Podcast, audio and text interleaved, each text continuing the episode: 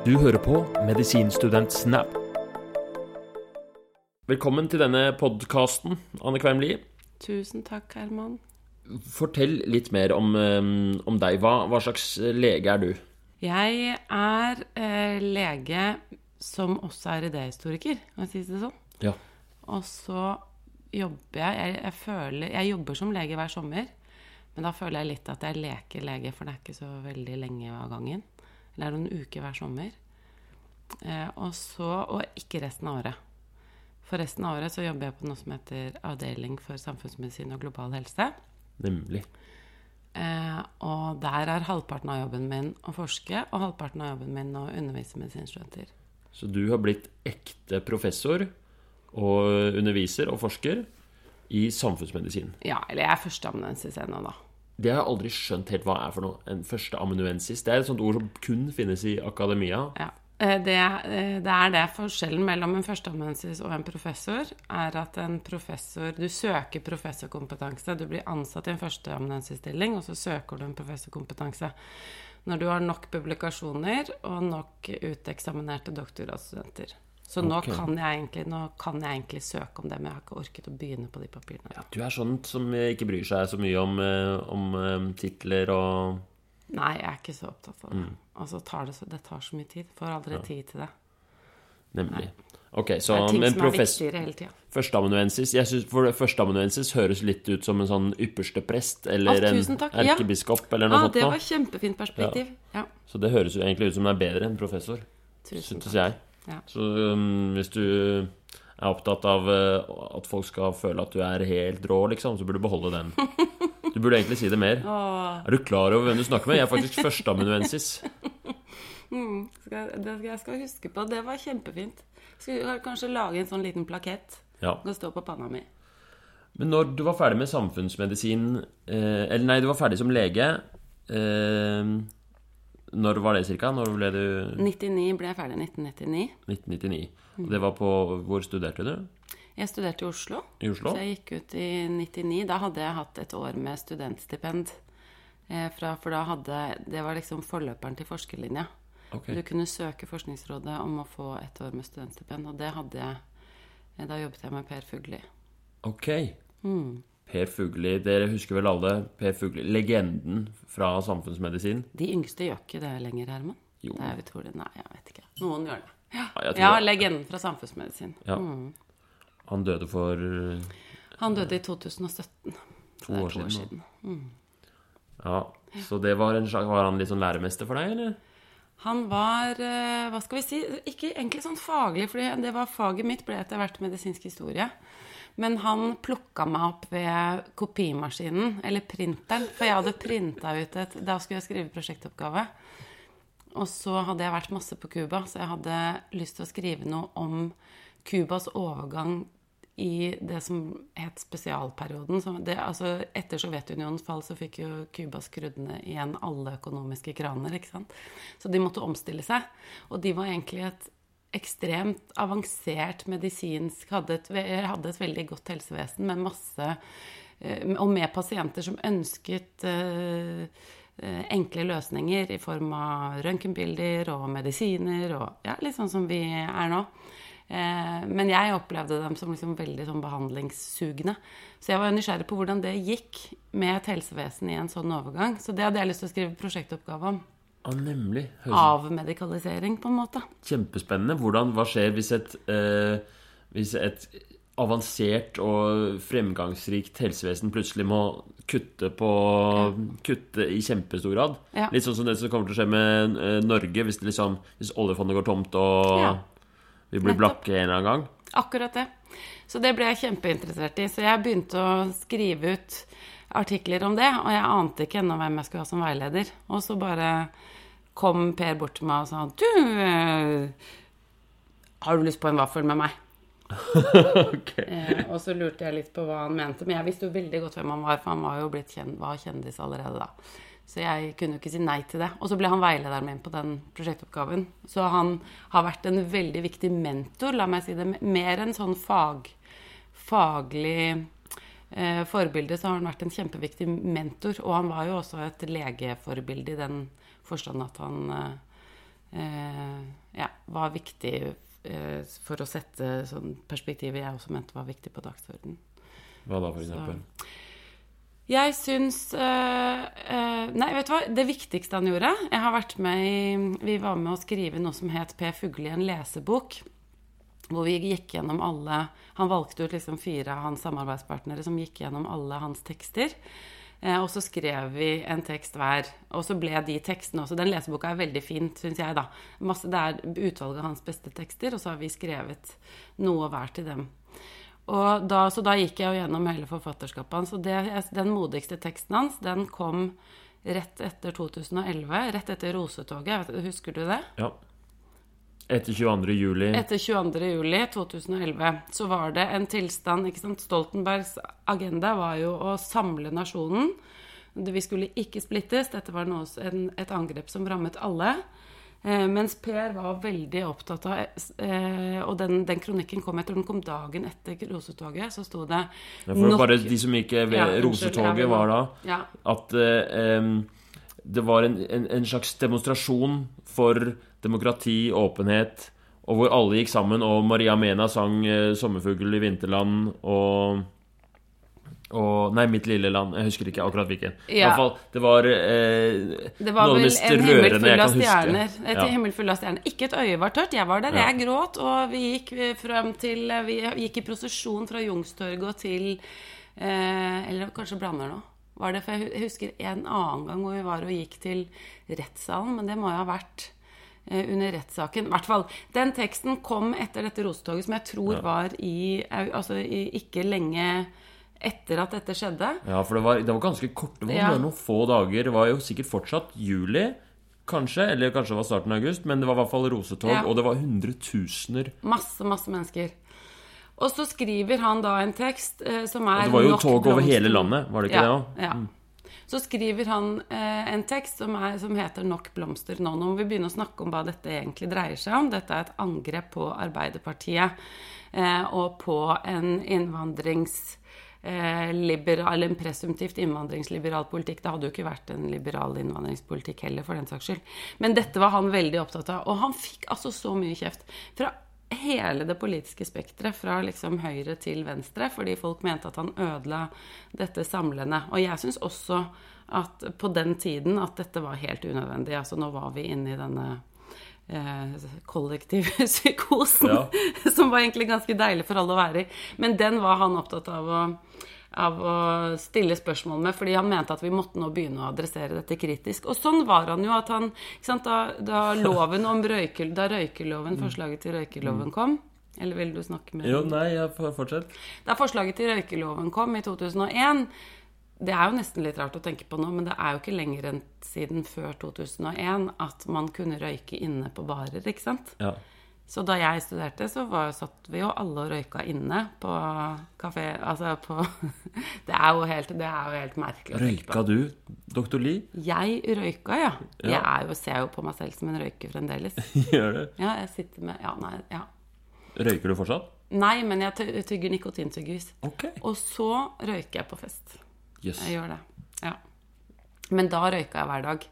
Men i hvert fall så skrev Per også da da Høybråten kom med dette forslaget, han som var helseminister den gangen, så skrev eh, Per flere tekster også hvor han mente at dette ville ramme de aller svakeste. De som hadde på en måte sitt sosiale liv eh, mm. i, på disse brune kafeene. Hvor eh, eh, Ja, og at det å ta fra dem den muligheten ville være å skremme dem på en måte tilbake til sine leiligheter. Så han var mm. veldig opptatt av det. Og argumenterte for at de kanskje ikke ville møte opp på puben, og så ville de bli ensomme. Ja, noen, ja. en, en, gruppe mennesker. At det var kjempeviktig i sosiale, sosiale arenaer. Og så mente han at det var liksom formynderstaten. Herregud, ja. hva hadde staten å gjøre med det? Eh, og i, i, ettertid så tenker jeg jo at eh, i motsetning til dette med Rosetoget, hvor jeg tenkte han hadde helt rett, så tenker jeg jo med røykeloven at han tok feil. Men ja, der dreit han seg litt ut, for den røykeloven, den var jammen eh... Det var veldig bra vi fikk røykeloven. Fordi jeg var på, jeg var på et sånt show som het Bare moro impro. Verdens beste show. Det går på Latter. Der hadde de en, en sånn en rapp om eh, Hva heter han eh, som hadde røykeloven, da? Han der KrF-politikeren? Høybråten. Høybråten, ja. Mm. Det var helt fantastisk. Hvordan, eh, da fremstilte det litt som at han, han eh, Han møtte jo veldig mye motstand den gangen, og, men kri- kriga gjennom den der reformen, og så er det jo Antall røyk som røyker har falt ganske drastisk siden da. Er det ikke en sånn veldig sånn dipp akkurat? Ja, den er ikke så bratt som man skulle tro, men det har definitivt gått ned veldig eh, altså, ikke, altså, du kan ikke spore det så tydelig på akkurat det, men den går jo ned i de årene etterpå. Ja. Eh, Så nei, altså men, men jeg tenker samtidig Ja, eh, du kan si han dreit seg ut i ettertid, men samtidig det var veldig viktig at de stemmene kom fram på den måten. Ja. Jeg husker ikke at Høybråten fikk så intens motstand. Nei, det var liksom Per og noen andre som var mest opptatt av det. Han derre komikeren fra Stavanger. Han med runde briller. Ja, ja, ja, gi barna alkohol før idretten tar dem. Ja, Han husker jeg ikke hva het. I hvert fall det jeg husker mest av han eh, Det var det der utsagnet med gi barna. Det var jeg for vidt helt enig for jeg var aldri noe opptatt av idrett. ja.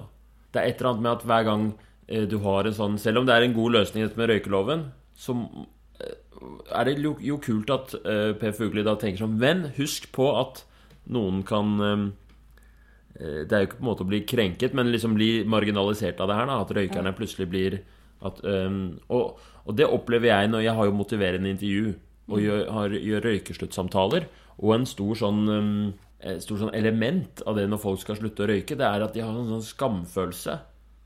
Eh, at man virkelig skammer seg over å røyke. Fordi man har blitt fortalt så mange ganger det er usunt å røyke, du er dum hvis du røyker.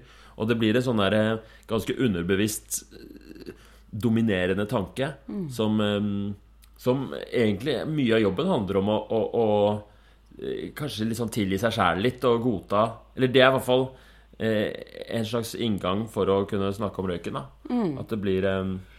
Og jeg tror også vi leger vi tror jo ofte at det er informasjonsmangel der ute. Men folk vet akkurat det. Og det er kanskje informasjonsmangel når det gjelder detaljer i det. Men folk flest, selv de, det er iallfall min erfaring som lege, da, at selv de som har lavest utdanning, vet at røyking er skikkelig skadelig Ja. eh, for helsa.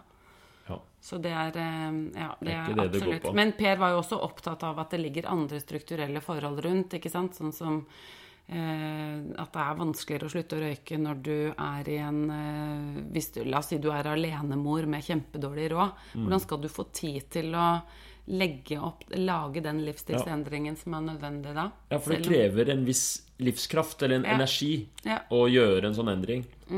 Så, så hvis du er i en, en stressende jobb har, eller er alenemor, akkurat som du sier, og har lite, lite overskudd, så er det vanskeligere. Ja, eller andre utfordrende livsbetingelser da, som mennesker i lavere sosiale lag oftere har. Så er det mye vanskeligere. Men derfor så mener jeg jo sånn i etterkant at røykeloven var veldig bra, for det er jo et sånt strukturelt tiltak som gjør at eh, Som ikke bare går på individet. For det var, Per var veldig opptatt av at det legges altfor mye ansvar på individet for disse strukturene, eller for disse livsstilsendringene. Som egentlig samfunnet burde ta mer ansvar for. Nemlig. Mm. Ok, Men du var i hvert fall medisinstudent på en slags siste forskerlinje, og så møter du Per Fugli, og han blir en slags mentor for deg. Eller jeg møtte han i, han veiledet meg i prosjektoppgaven, og så Mm. søkte jeg om dette studentstipendet, og så var han veilederen min på det, da. Det Ja. et år. Mm. Og har det påvirket, tror du, at du valgte den veien du gjorde? At du ble ikke så mye, jobbet ikke så mye som klinisk som lege, men uh, utdanna deg videre med idéhistorie og medisinsk historie? Altså I kullboka mi så står det at uh, om eh, 30 år For måtte skrive sånn om 30 år så er han, og da sto det professor i sosialmedisin. Og det så jeg faktisk her om dagen, for jeg skulle skrive i en kullbok nå. Så tenkte jeg bare sånn, så For jeg var litt tom for ideer, så tenkte jeg ok, jeg må titte i de der gamle Var det de gamle lærerne skrev til oss? Men da så jeg min oppførsel, og da måtte jeg le litt, da. Så det fikk de jo for så vidt rett i. Så eh, ja, det var nok, var nok det. Jeg var veldig opptatt av å kombinere medisin og samfunnsvitenskap, eller humaniora, da, som det ble for meg. Eh, og så studerte jeg idéhistorie egentlig mye fordi jeg kjeda meg sånn på medisin. Jeg var litt Gjorde du samtidig? Jeg gjorde ja, altså, jeg hadde tatt et idéhistorie grunnfag som dette en gang gangen først, og så studerte jeg mellomfag og hovedfag samtidig. Wow. Var det sånn på, når du studerte òg, at, eh, at uh, medisinstudenter var Eller det var noen som skrev bøker ved siden av studiet? Nei, det kan jeg ikke huske, men det var ganske mange som tok andre fag. Ja. Eller ikke mange, da, men noen.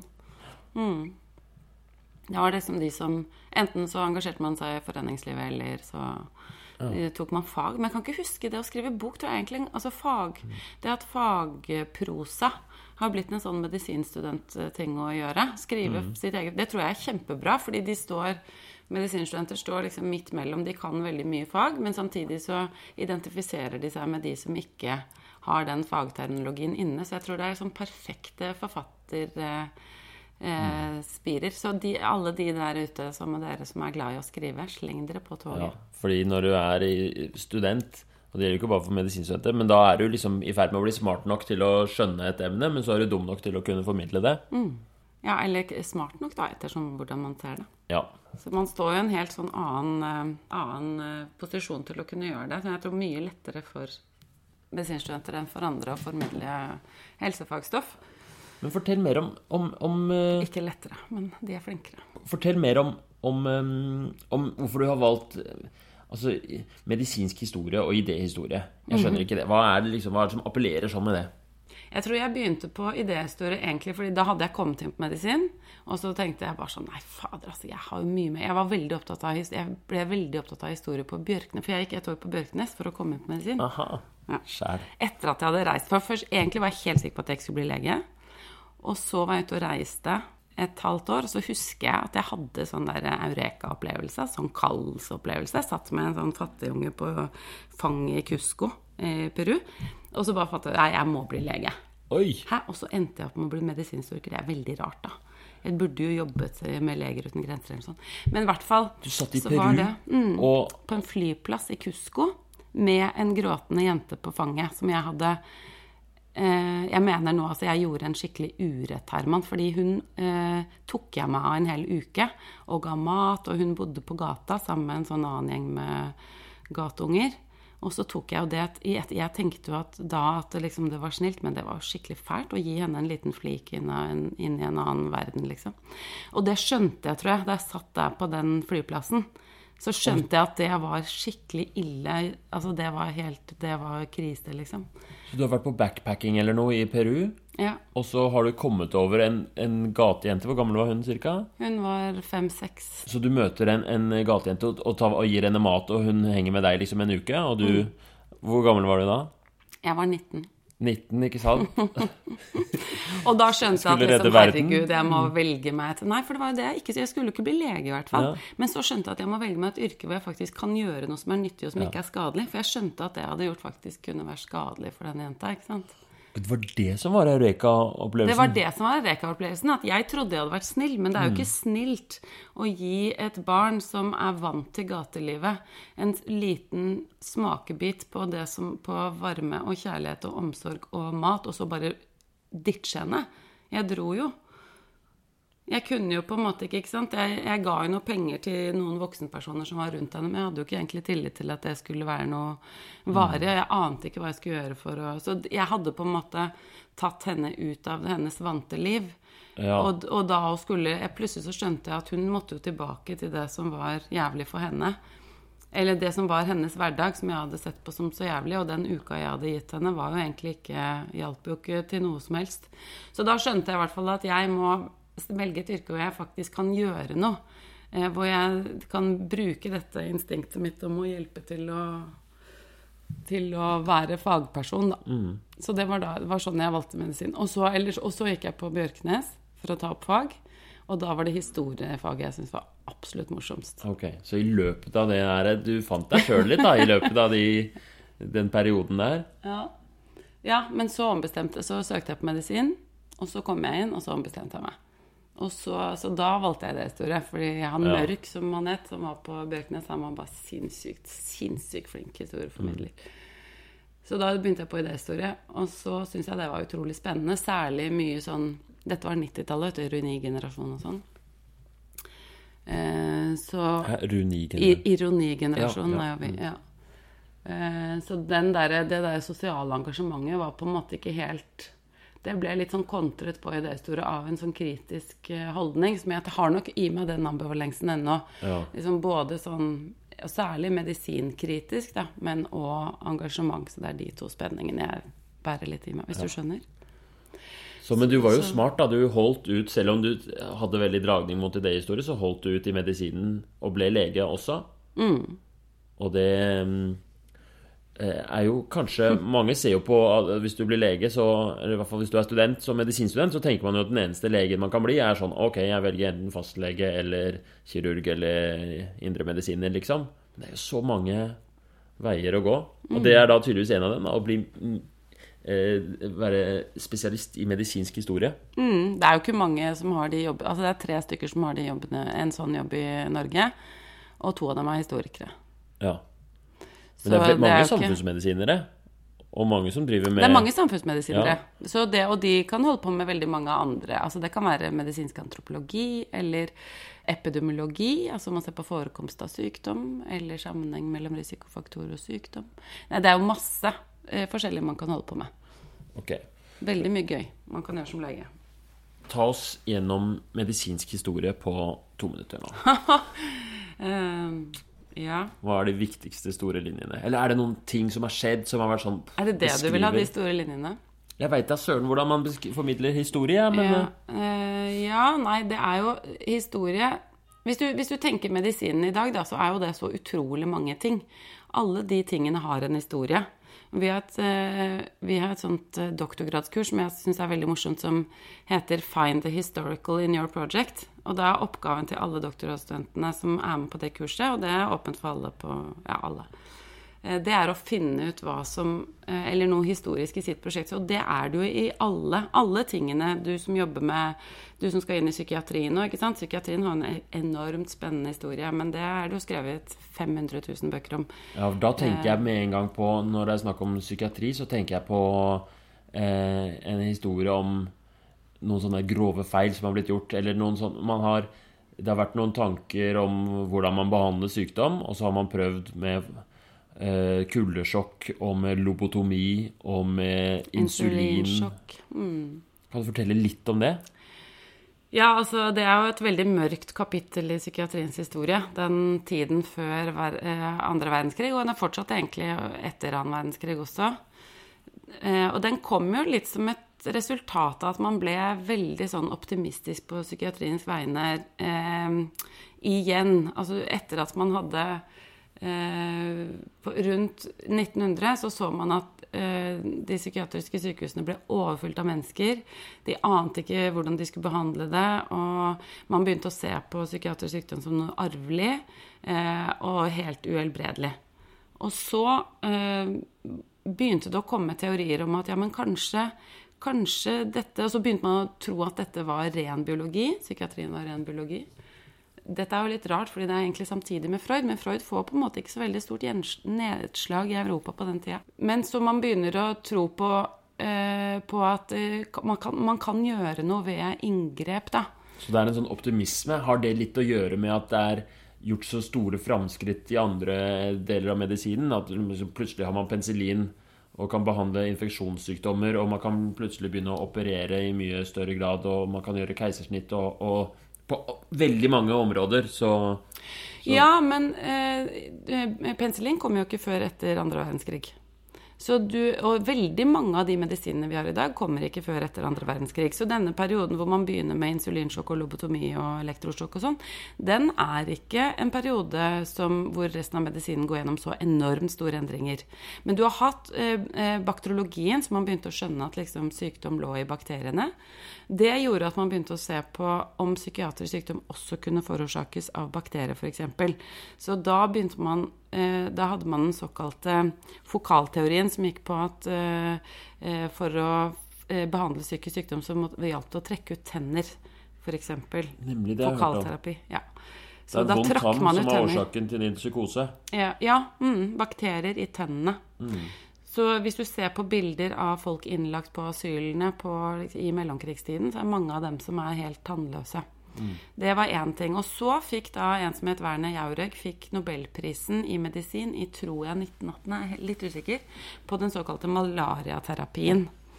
Eh, og det gikk på at han observerte at de pasientene han hadde med psykose som fikk malaria, de ble merkbart bedre, mente han.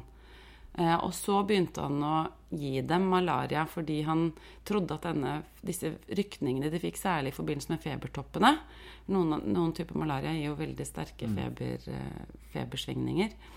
Eh, at de ble mye bedre av det. Så da tenkte han at da kanskje man kunne bli bedre av å gi dem rett og slett påføre dem malaria. Så du har en pasient som er deprimert, eller som har litt vrangforestillinger, eller er litt uregjerlig, og så er det bare Gir du den personen malaria og tenker det blir bedre? Det er jo helt forferdelig. Ja.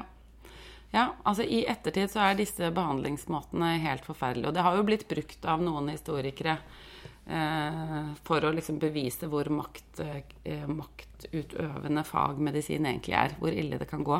Og på en måte er jo det litt Er det jo en sannhet i det. Samtidig så pleier jeg å si når jeg har om insulinsjokk f.eks. til studentene Insulinsjokk var altså at man ga insulin i store mengder for å få pasienten i koma. Eh, Ja. Og så la du ned sonde så de ikke skulle kaste opp, men det var jo både Det høres liksom, livsfarlig ut. Ja, ganske farlig. Ja.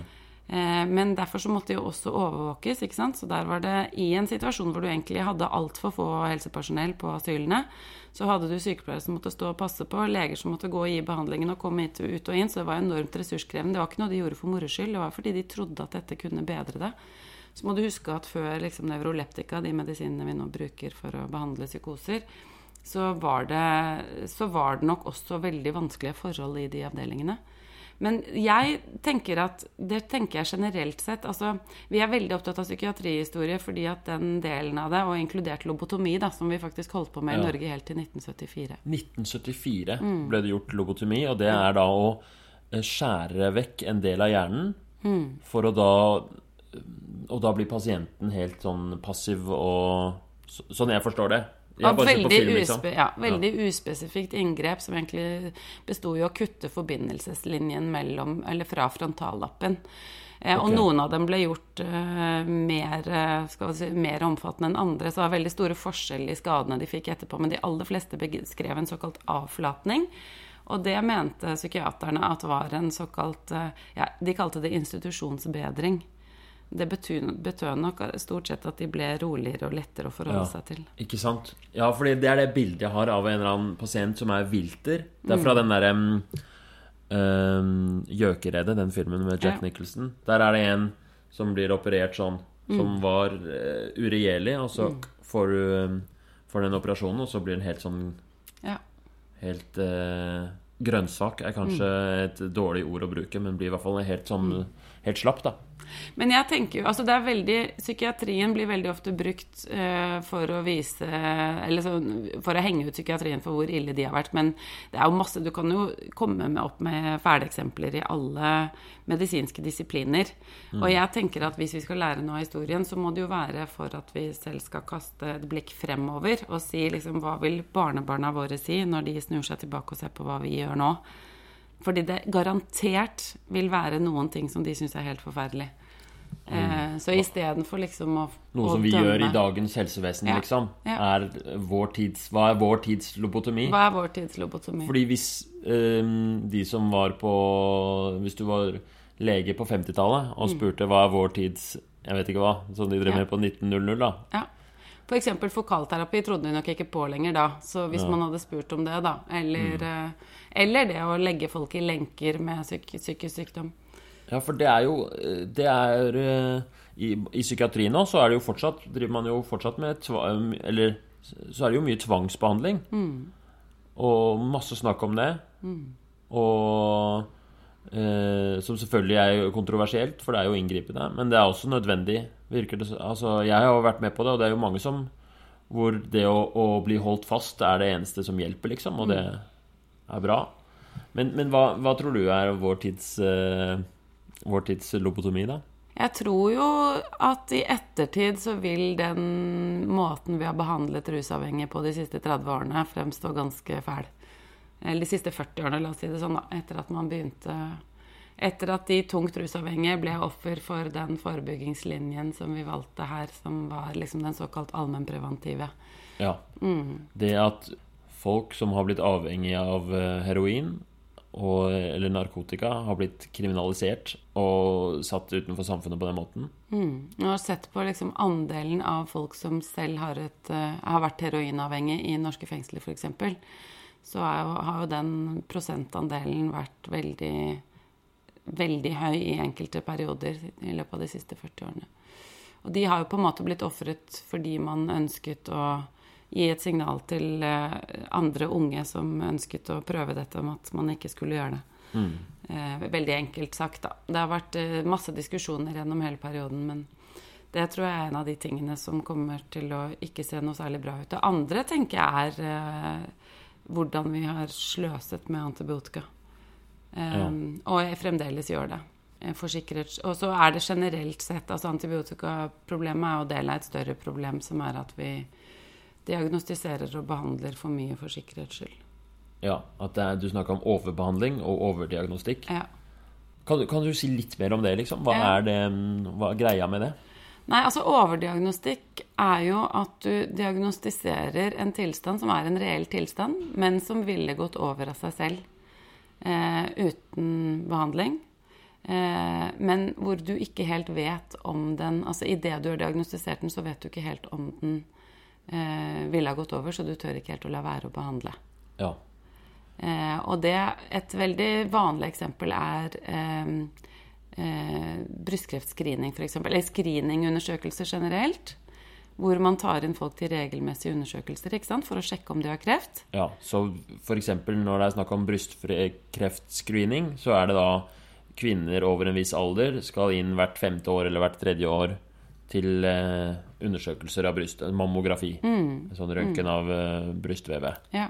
Og da vil man oppdage en, eh, en andel av de svulstene man da oppdager, som er reelle svulster, de vet man at vil gå over av seg selv uten behandling. Ja. Og så er det uenighet om hvor stor andel den er. Og det er de såkalte Altså, ja det, og, eh, man, man, er ikke helt enig om hvor stor andel den er, men man er enig om at, altså, man er enig om at det er noen. Altså, eh, fordi Poenget med brystkreftscreening er jo at eh, brystkreft er en forferdelig sykdom, og som ofte blir oppdaget for seint.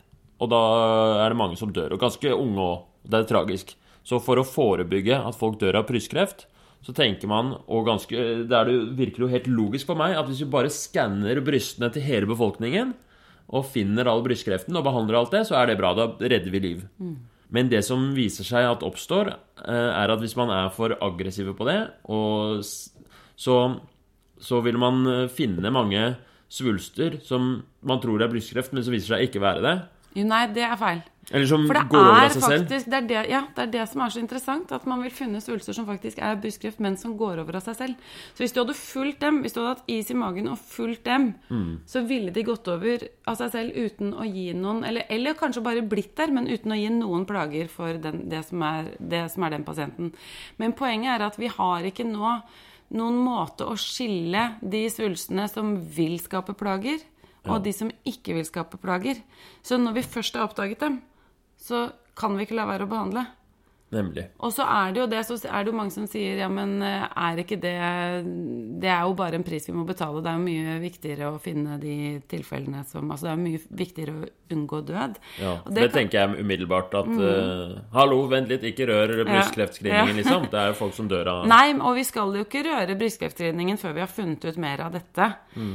Men poenget er at eh, Så dette er, Man har ikke funnet ut ja. ennå om Altså man er ikke enig om hvor stor andel vi har av overdiagnostikk i brystkreftscreeningen. Men det som er Og dette er jo bare et eksempel. ikke sant? Ja. Jeg burde egentlig fortelle Vi kan ta et, et, annet eksempel som er lettere å forstå senere. Men poenget er at eh, de som du da oppdager La oss si dette er noen av de høyeste anslagene her, ligger jo på at 28% av de svulstene man finner, ikke vil skape problemer. Ja. Eh, og la oss si, Tenk deg da om du er disse 28 prosentene. Da får du påvist For det første så får du påvist noe du, som er unormalt, mm. og så må du gå og vente på ja. at det blir diagnostisert. Og når du får diagnostisert det, så får du all den det traumet det egentlig er å få diagnostisert en ja. brystkreft. Du kunne hatt du et år i fryd og gammen ikke sant? og bare ledd ja. og vært fornøyd, men så istedenfor så får du vite at du har kreft, du skal opereres. Ja, og må gå gjennom hele behandlingen mm. med de bivirkninger det kan medføre. Eh, så det er, jo, det er jo ganske store konsekvenser. La oss si, og i prostatascreening Er det det andre eksempelet du tenkte på? Nei, det andre eksempelet jeg tenkte på, som er enda enklere, det er rett og slett eh, screening for eh, Skjoldbruskkjertelkreft. skjoldbruskkjertelkreft. Som man begynte med, noen litt lure begynte med med ultralyd i USA. Eh, og plutselig så så man at forekomsten av skjoldbruskkjertelkreft eh, økte enormt. Ja. Eh, og så eh, fant noen kloke ut at de skulle finne ut om det var noen effekt på totaldødeligheten, og det var ingen effekt. ja. Så det betyr at nesten Så det har man helt slutta med. Eh, Så selv om det var reelle svulster man oppdaget, så fikk man ingen gevinst av å behandle dem. Jeg tror når man, når man, Hvis man er grundig og setter seg inn i, i, i tallene og, og ser ordentlig på dette, så ser man at, at, um, at det er i hvert fall Det er ikke helt åpenbart uh, hvor liksom grensa Da skjønner man at det nytter ikke å bare ta fullkroppssete og blodprøver av alle hele tiden. At det er over. Men jeg tror dette er, det er ganske vanskelig for pasientene å skjønne. Eller det er i hvert fall Jeg tenker jo det selv òg. Hvis jeg er hos legen, så vil jeg gjerne at alle skal sjekke mest mulig. Ja. Ja. Det er vanskelig, men det er, ingen, det er ingen påvist effekt av årlige helsekontroller på friske mennesker. Ikke sant? Så du blir ikke noe friskere av det? Du blir ikke noe friskere. Eh, og tvert imot så skaper du bekymring når du da får For du finner jo noe på blodprøver. Tar du masse blodprøver, så finner du noe. Enten det skyldes artefakter, eller det er normalvarianter, eller noe sånt. Mm. Ja. Så du finner jo noe. Du finner jo noe også. Vi har jo ikke hatt bildediagnostikk så lenge, eller så avansert bildediagnostikk lenger enn at vi kjenner alle eh, typer normalvarianter også, ikke sant? Så du, du finner jo noe på enten bilder og aldersforandringer som ser litt rare ut. Og det er veldig ofte ting som må utredes og undersøkes. Som blir, det er det som blir resultatet hvis du skal ta eh, mitraljøse versjonen av en helsekontroll. Ja. Så overdiagnostikk er det at du tar en prøve eller et bilde for mye og finner noe som du egentlig har vært bedre å ikke oppdage, som du ender opp med å bli tvunget til å behandle og utrede videre, men som egentlig, hvis du ikke hadde oppdaget det, så hadde det ikke hatt noen effekt på livet til pasienten. Så det går veldig masse ressurser. Men hvordan kan dette da Du sammenligner det jo litt med Eller er dette så ille, liksom? Er dette vår tids lobotomi? Hvorfor er dette så kjipt? Jeg tror det er kjipt fordi det ehm, Fordi for det første så for, bruker vi ressurser på pasienter som ikke hadde trengt det, og de ressursene de tappes fra pasienter som virkelig ville trengt det, og som er mye dårligere. Vi gir f.eks. altfor dårlig behandling til eh, dårlige kolspasienter eller dårlige hjertesviktpasienter ute i primærhelsetjenesten. Vi får dårlig eh, behandling til pasienter med psykisk lidelse, til tross for mange år med politisk ønske om å endre på det. Eller, og ruspasienter, da, som vi hadde i sted. Ja, for akkurat der virker det som det er ekstremt pressa på mm, Jeg tenker på øh, psykiske lidelser som jeg syns jeg opplever så ofte at en pasient er dårlig og øh, har enten øh, tvangstanker eller depresjon eller en eller annen sånn ganske En psykisk lidelse som påvirker pasienten og har det skikkelig kjipt. Og så har jeg prøvd å henvise, og så får jeg tilbake at pasienten er ikke dårlig nok. Og det er jo egentlig bare sånn Nei, vi har ikke tid til alle pasientene som trenger det. Vi kan bare bruke, ta de absolutt dårligste. 30% av henvisningene avvises til DPS. Og det, altså DPS, til distrikt, distriktspsykiatrisk senter. Og det tror jeg er Kom tilbake når du har ek, litt verre selvmordstanker, liksom. Ta Gjør et par forsøk først. Da kan du komme på Jeg tror noe av grunnen er at fastleger har litt sånn mistet tilliten til at de kan gjøre noe med psykiske lidelser. At de henviser eh, mer enn de gjorde før. Og at uh, psykiaterne vil at skal, vil henvise litt tilbake til førstelinjen. At de mener at fastlegene må få bedre tillit til seg selv og den behandling de kan gi.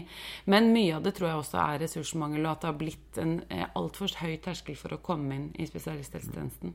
Ja, det kan jo hende at det er, det er riktig at de pasientene heller burde eh, behandles i primærhelsetjenesten av fastlegen. Må ta en større rolle der. Men resultat, akkurat den der kommunikasjonen syns jeg er så sykt irriterende, fordi det er pasienten som ender opp med å føle seg avvist. Ja. Så det blir bare sånn ekstremt frustrerende for alle parter, og det går lang tid, og, og um, Ja, det er jeg helt enig. Det er utrolig irriterende. Og så kommer det på sånn tekni, et sånn teknisk språk. Rettigheten er ikke oppfylt, eller et eller annet Ja. som ikke tar høyde for altså Det er jo en standardformulering som ikke sier noe om den pasienten. Ja. Og heller ikke prøver å oppdra fastlegen, på en måte. For det kunne Av og til sitter jeg og har hatt, en sånn henvisning, så sier jeg men kunne dere ikke i hvert fall foreslått noe vi, et tiltak vi kunne gjort, eller et eller annet sånt. Mm. Blir nesten litt ja. Ja, så det er, det, er- det, er- Ja. Men, um, Men overbehandling og overbehandling, bare for å avslutte det, for jeg tenker at um, uh, noe av problemet her altså, altså Det er det med å, at uh, ressurser forskyves til steder hvor de ikke trengs, og hvor de også kan være skadelige. Vet du hvor mange Det er jo gjort statistikk på dette. Man eh, vet du hvor mange prosent, Herman, av tjenestene vi tilbyr i helsevesenet i vestlige land, som eh, enten er unødvendige eller er potensielt skadelige? Nei, Det vet jeg ikke, men det kan da ikke være mer enn 1-2% som er unødvendig eller skadelig. Vi gjør vel bare det mest nødvendige og det som hjelper pasienten. 30, opp mot 30 Ok, 30 Så en tredjedel Forhåpentligvis ikke så mye i Norge, da. Men altså, dette er basert på tall fra vestlige land. Ja, kanskje så mye som en tredjedel. Så det er jo Så hvis du har 100 kroner, gir til helsevesenet, så går 30 kroner av de til eh, unødvendige og farlige ting. Er det sånn Når jeg tenker på unødvendig og farlig, så tenker jeg på Da tenker jeg på Jeg vet ikke, jeg tenker på sånn, kanskje sånn kosmetiske ting. Men det er jo ikke eh, Primærhelsevesenet driver jo ikke med det, da. Men hva med sånn Ja, sånn operasjoner som ikke hadde vært vits å gjøre. Mm. man, eh, det er et kne som, eh, som er litt vondt, og så er kirurgen litt hissig på å operere det. Men så, hvis man ser på statistikken, så hadde det nok vært bedre å å la være. Ja. Skulderoperasjoner har man hørt for mye. Eller altså ta livmorfjerning, da. Som også er liksom noe som gjøres på tvilsomme indikasjoner. Ja. Ved sånn kroniske smerteplager og sånn. Nei, så det er, det er ganske mye, men jeg tror nok at det tallet er Jeg håper at det tallet er lavere i Norge enn mange andre land, fordi vi nettopp ikke driver så mye med regelmessige helsekontroller og sånn. Men eh, det er, eh, det er helt sikkert mye her òg. Legeforeningen har jo nå en kampanje som heter Kloke valg. Og hvor de bl.a. går ut med oppfordring til pasientene selv også om å være litt mer kritiske. Så de har en sånn sjekkliste som både pasienter og leger kan følge. Så jeg anbefaler å gå inn på den. Men i den tråden, da, hva syns du om at på Majorstadkrysset, jeg var der i går, står et svært skilt Aleris eh, To minutter ventetid. Kom direkte til spesialist. Eh, slipper Trenger ikke henvisning. Ja, nei, jeg er skikkelig bekymra for den eh, todelingen av helsevesenet som jeg syns eh, jeg ser komme mer og mer nå. Ja, Få henvisning på videochat. Ja. Men jeg tror jo ikke det er noe bra for pasienter heller. Altså, jeg har jo mange venner som bruker Volvat fordi de ikke gidder å vente ned på legevakta. Men de får jo så mye unødvendige prøver, og det skaper masse bekymring. Altså, eh, og det må jo også belaste det offentlige helsevesen for ganske mange unødvendige henvisninger. Sånn som jeg har observert det fra sidelinjen, men dette er bare liksom personlig anekdotisk erfaring. Men, eh, men ja, nei, det, det, er, det er noe med at vi har en ganske god struktur i det norske helsevesen som, eh, som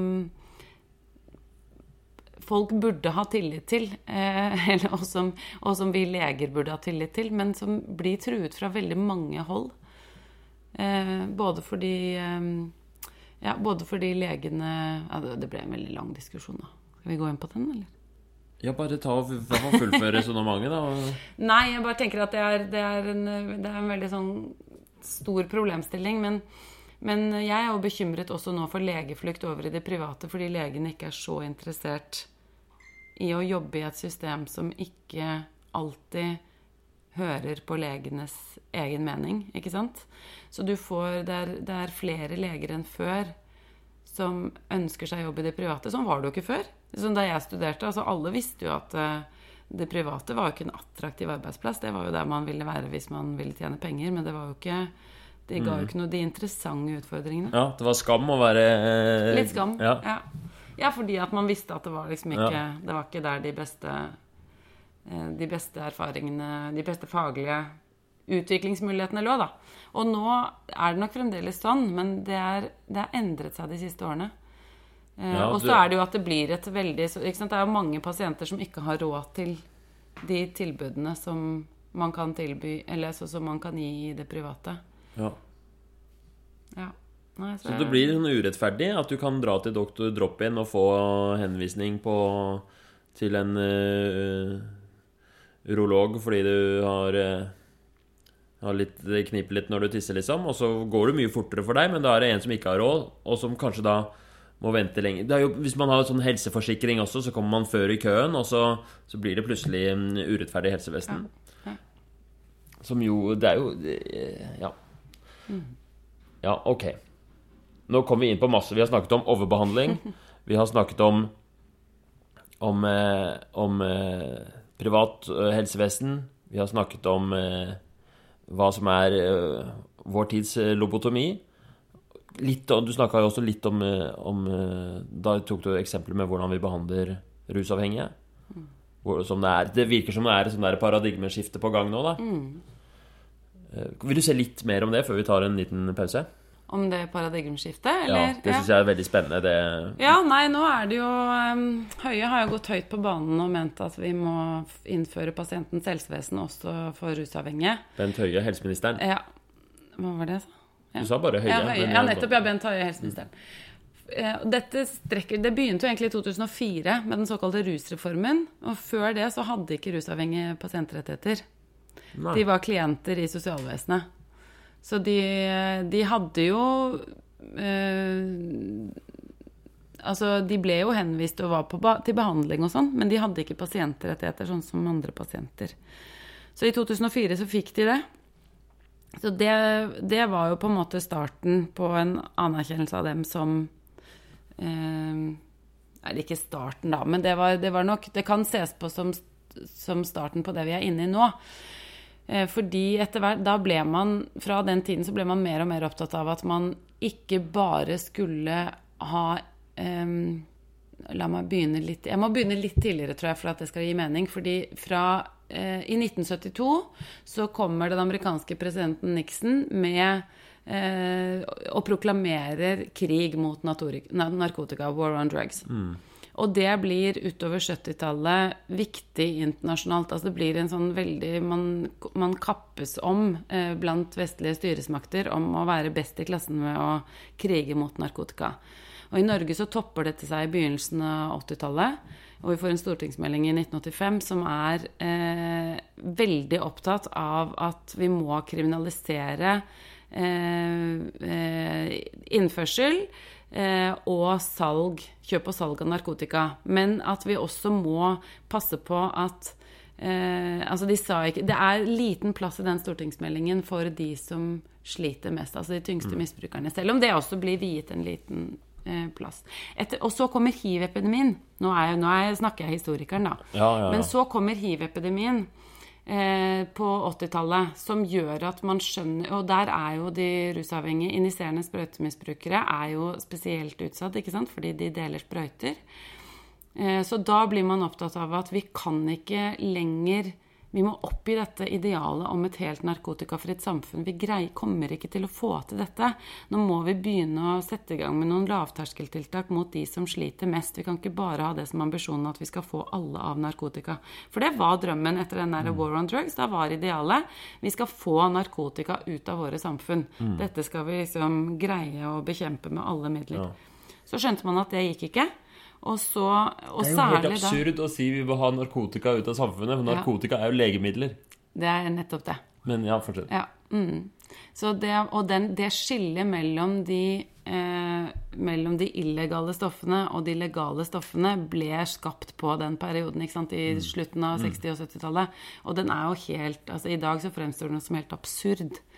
Men, eh, men det, var, det var eh, parolen. Vi må få narkotika ut av samfunnet. Altså som, det, da mente de jo som altså illegale midler, da.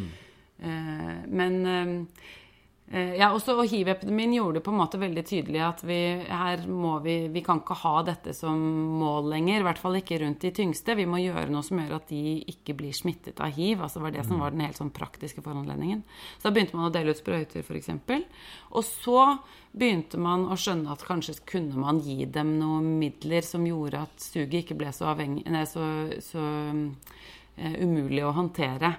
Eh, og det hadde man jo hatt i Storbritannia, så hadde man hatt heroinbehandling av eh, sprøytemisbrukere, av de såkalte morfinistene, fra begynnelsen av 20-tallet, 1920-tallet. Så det vi snakker om nå, med heroinbehandling, det har man hatt, det har man hatt i Storbritannia siden 1920. Så, og, så i, og i begynnelsen av 70-tallet så hadde vi et forsøk med metadonbehandling i Norge, men ganske snart så falt det da under denne forestillingen om det narkotikafrie samfunn. Eh, Men så kom det på banen igjen, da, og særlig etter at hiv-epidemien hadde gjort om på mye. Eh, og så begynner man med metadon i ganske små, i liten skala. I slutt, på slutten av 90-tallet. Nå ser jeg at du blir litt utålmodig, Herman. Nei, jeg bare, bare prøver prøve å skjønne. Så metadon er på en måte eh, Det er et steg i riktig retning, liksom.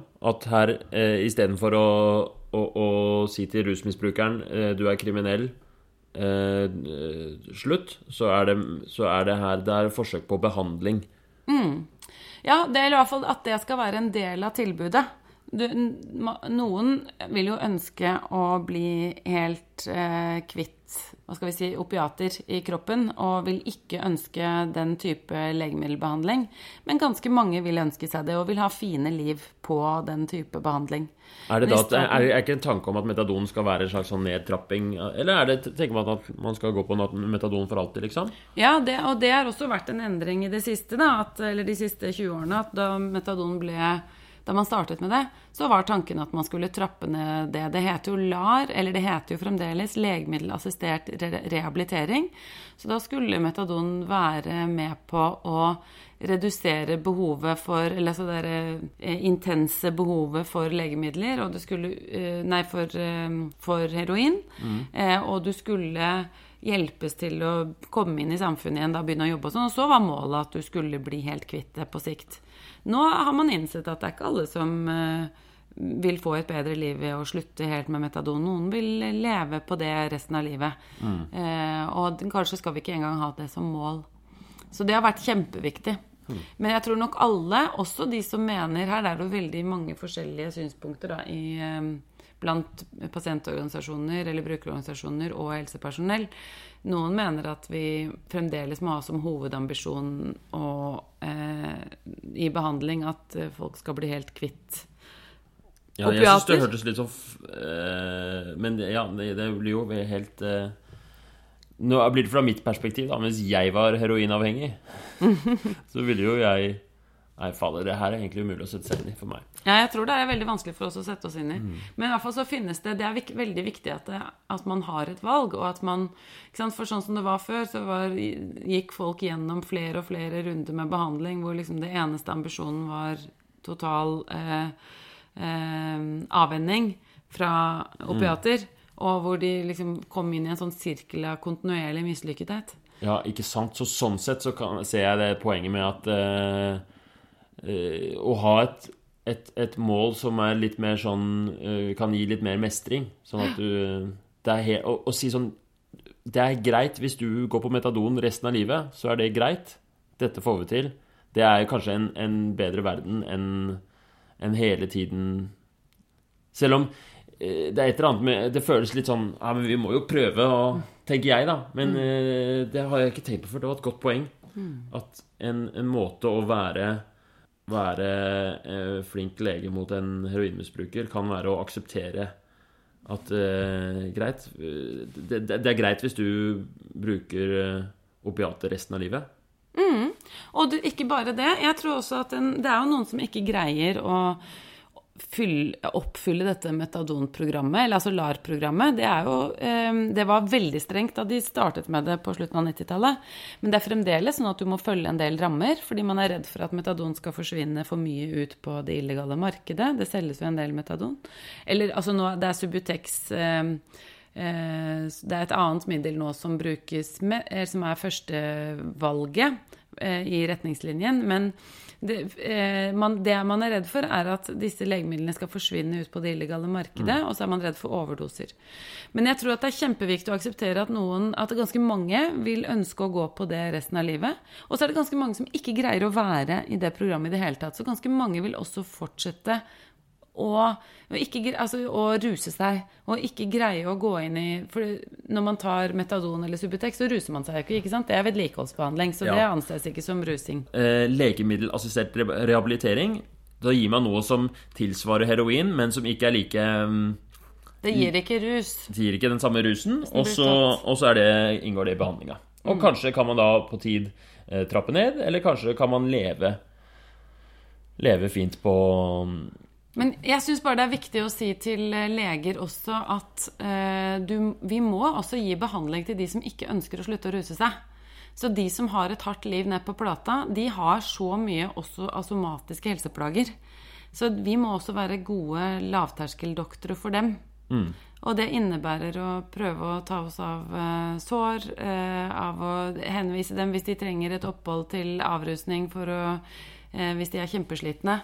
Eh, ikke sant? For det kan de jo ha behov for i perioder. Altså sånne ting. Og det er så mye morsommere å være lege for dem hvis man setter seg litt inn i det og lærer seg litt om Ja. de utfordringene denne gruppen har. Du hører på Medisinstudent Snap. Jeg har en historie fra en, som kan illustrere det, fra en pasient jeg hadde. Og da må jeg vi, Av og til i denne podkasten så kommer vi jo med historier om pasienter. Og da er det Vi har jo alle sammen taushetsplikt som lege, så vi kan ikke fortelle noen om pasienten. Men man, det løser vi på at enten så eh, Og det er bare generelt, det passer vi veldig godt på. Enten så har vi spurt pasienten om lov til å dele. Eller så endrer vi på eh, detaljer, sånn at det egentlig ikke er en ekte pasient vi snakker om, men en fiktiv pasient. Altså endre på kjønn og endre på, på, mm, på Alder alder, eller eller på detaljer, eller alt mulig. Så det som jeg forteller om nå, er jo e- en fiktiv pasient. Men jeg forteller det som om det er ekte pasient, fordi jeg har opplevd pasienter som er lignende. Jeg kan eksempel av og til sette sammen to Skjønner dere? Ok. Men jeg hadde i gang en pasient så dette er en fiktiv pasient, men det er ekte. Skjønner du? Jeg hadde en gang en pasient som kom på mm, eh, legevakta og hadde eh, en, eh, en ganske ung dame. Hadde alvorlige eh, sår på beina. Skikkelig uh, stygge sår. Hadde kjempevondt. Og bare, 'Jeg har så vondt i beina. Jeg kunne nesten ikke gå.' Og så undersøker jeg under beina. Der er det store, infiserte sår uh, på beina, og det strekker seg uh, langt opp til um, legene. Så dette var um, um, En dame hadde tatt store mengder Paralgin forte. Og på en måte bare tatt masse Som jo er ikke sant, opioid. Eh, Jeg tror ikke jeg hadde injisert heroin, men i hvert fall var eh, Hadde jo en slags rustilnærming. Var rusavhengig. Og mm, hva slags rusmidler var det hun var avhengig av? da? Ja, sånne eh, tabletter. Altså oh, ja, ok, Så hun var Paragin avhengig av forte, Paragin forte. Så det var ikke Paragin- pga. dette her med disse sårene at hun var avhengig? Nei, ikke sant? Hun var avhengig av Paragin forte og tok dritmasse Paragin forte. Eh, sannsynligvis. Brukte også amfetamin og, og sånne typer Ja, for Grunnen til at jeg spør om akkurat det, er at det er jo veldig ofte at eh, det er en typisk historie egentlig med rusavhengige som lever et hardt liv, enten i blandingsmisbruk eller et eller annet sånt, at de kommer med sånne ting så seint. For en Ja. annen pasient vil jo komme tidligere med Ja, så svære sår. Ja. Så har eh, sår og strekker seg langt opp etter leggene og er infisert og ser dritvondt ut. Og så da gir vi behandling, tar og renser og plastrer og pleier det så godt vi klarer. Og så sier du må ta penicillin, for du har, um, du har en infeksjon her, og dette kan være farlig. Og du, vær så snill, prøv å ta mm, eh, grønnsoppebad. Og så er det sånn Ja, men 'Jeg har ikke noe penger, jeg har bare 100 kroner på kortet', og bla, bla, bla. Og mm, og så mm, eh, får pasienten Hun får eh, tablettene hun skal ta i hånda, liksom, med penicillin. Og får med seg grønnsoppe liksom, til å ta et bad. Og, og så er, det også, er, vi, er jeg bekymra, liksom. Så vær så snill, kom tilbake om det var i, om to dager, eller sånt, nå, så skal vi se på det. Og så kommer pasienten tilbake. Hun kommer tilbake to dager seinere. Og da har det bare blitt mye verre.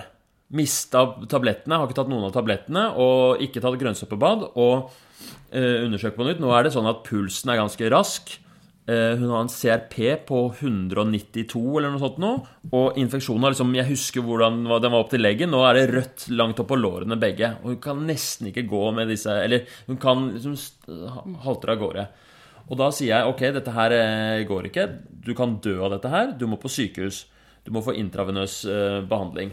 Og da sier hun nei, det, det gidder jeg ikke. Jeg vil ikke på sykehus. Det går bra. Jeg kan bare ta, Gi meg penicillin, så kan jeg ta det. Og så sier jeg nei, det, det går ikke. Jeg har ikke trua på det. Da tror jeg du kan dø, liksom. Og så øh, Hun er veldig urolig og liksom ikke helt til stede. Og hissig. Og mm, og er sånn Nei, nei, det går bra. Bare gi meg penicillin, så skal jeg gå. Og så snakker jeg med en, en, en annen lege som sier sånn hvis, Blir vi enige om at hvis hun ikke vil til sykehuset, så må vi tvinge henne dit. Fordi hun Hvis ikke hun får intravenøs antibiotika nå, så kan hun dø. Det er helt nødvendig. Altså, dette er en sårinfeksjon som har spredd seg, og dette kan bli det var allerede litt sånn med den høye pulsen og puste litt raskt og sånt, så var det allerede tegn på at dette kan bli sepsis.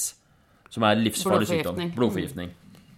Um, og så uh, kommer jeg tilbake, borte vekk.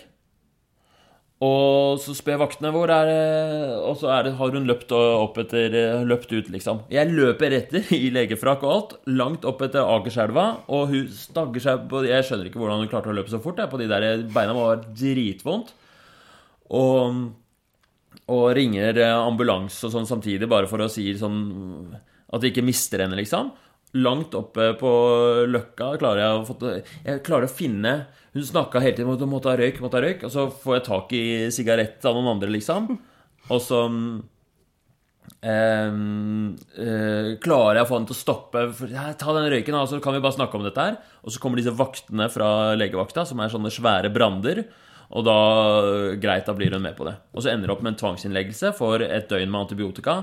På hvilken paragraf tok du tvang da? da? Da var det 4A? Ja, at det er um, rett og slett sånn uh, At det er påtrengende nødvendig mm. å gi uh, helsehjelp. Det er li, altså livstruende.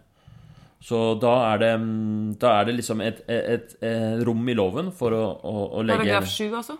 I helsepersonelloven? Ja. For da, ja, for da skal det være livstruende. Mm. Det er jo stort sett sånn som vi bruker hvis ja, for uh, hjertestans eller sånne typer ting, ja. da. Ja, det, Men så var... kan du gi det hvis du, altså hvis du hadde vurdert at hun manglet samtykkekompetanse, så kunne du ha brukt den som heter 4A. Ja. ja så jeg brukte ikke den. Jeg brukte paragraf ja. uh, 7 i helsepersonelloven. Mm. At det er min plikt, og også da min rett, å gi det som jeg anser som påtrengende nødvendig helsehjelp. Mm. Hvis pasienten er i uh, ferd med å dø, mm. så skal ikke jeg Så, så, så mm så spør ikke jeg eh, og pasienten nekter, så er det Så det er jo Dette er tvangsbehandling, og har tenkt mye på det etterpå. Men jeg tror at hvis, eh, hvis eh, jeg hadde latt hun gå, så hadde hun kanskje daua. Mm. Og det, De har så utrolig mange andre prioriteringer, prioriteter ja. i livet sitt. De skal få tak i dette stoffet. De har kanskje en gjeld med, og folk som driver og jager etter dem. De har utrolig mye andre mm. forpliktelser som de skal passe på. Kanskje de holder på å bli kasta ut av boligen sin. Det er så mange ting som ja. står øverst i pannebrasken på disse, så det gjør at behandling blir utfordrende. Og så er det det med økonomi, som du sier. Nå Legevakta Nå hadde dere jo tydeligvis ga, det, ga henne piller, da. Mm. Men min erfaring er også det at de har ikke altså det, du kan, Hvis du skriver ut en resept, så må du forsikre deg om at de faktisk har penger til å hente den ut, og at de kommer mm. til å hente den ut. Og ofte lønner det seg da å gi dem f.eks. piller i hånda. Og så er ikke alltid det nok. Og da jeg eh, I sånne situasjoner så spør jeg ofte om de har en eller annen pårørende eller noen som kan mm. hjelpe dem nå. Mm. Og f.eks. sørge for at de får de medisinene, kan møte opp. For, eller om de har en Kanskje er det en de kan bruke som de har blitt kjent med gjennom pasientorganisasjonen, eller noen som kan være en støtteperson for å hjelpe dem gjennom den fasen. Men det er skikkelig, det er skikkelig vanskelig. Og så er det jo, vi må ikke glemme heller at ganske mange av disse pasientene har veldig dårlige erfaringer fra sykehus. Ja. Fordi at uh, rusavhengighet er skikkelig stigmatisert sykdom i vårt samfunn. Og det Vi leger og sykepleiere er del av samfunnet og har de samme holdningene, selv om vi ikke helt eh, innrøm, vil innrømme det. Så de har hatt veldig mange dårlige erfaringer på norske sykehus. Ja, men det er litt sånn eh, Ja, så selvfølgelig. Det er eh, dritviktig, jeg er helt enig med deg, det er dritviktig å gi, eh, gi ekstra og veldig god innsats og behandling til denne pasientgruppen. Og det, at det er en pasientgruppe som, som får generelt dårligere behandling og Men bare de, de legene der ute som hører på, og som står i dette her og gjør sitt beste på det, det er dritvanskelig. Ja. Og man blir Altså, jeg husker jeg ble så sur og frustrert på hun pasienten her, liksom. Faen, kan du ikke bare høre på meg, da? Ikke sant? Og uh, Men jeg tror det lønner seg å rådføre seg med. Det finnes jo veldig Ja. mange utrolig flotte leger som gjør en fantastisk jobb.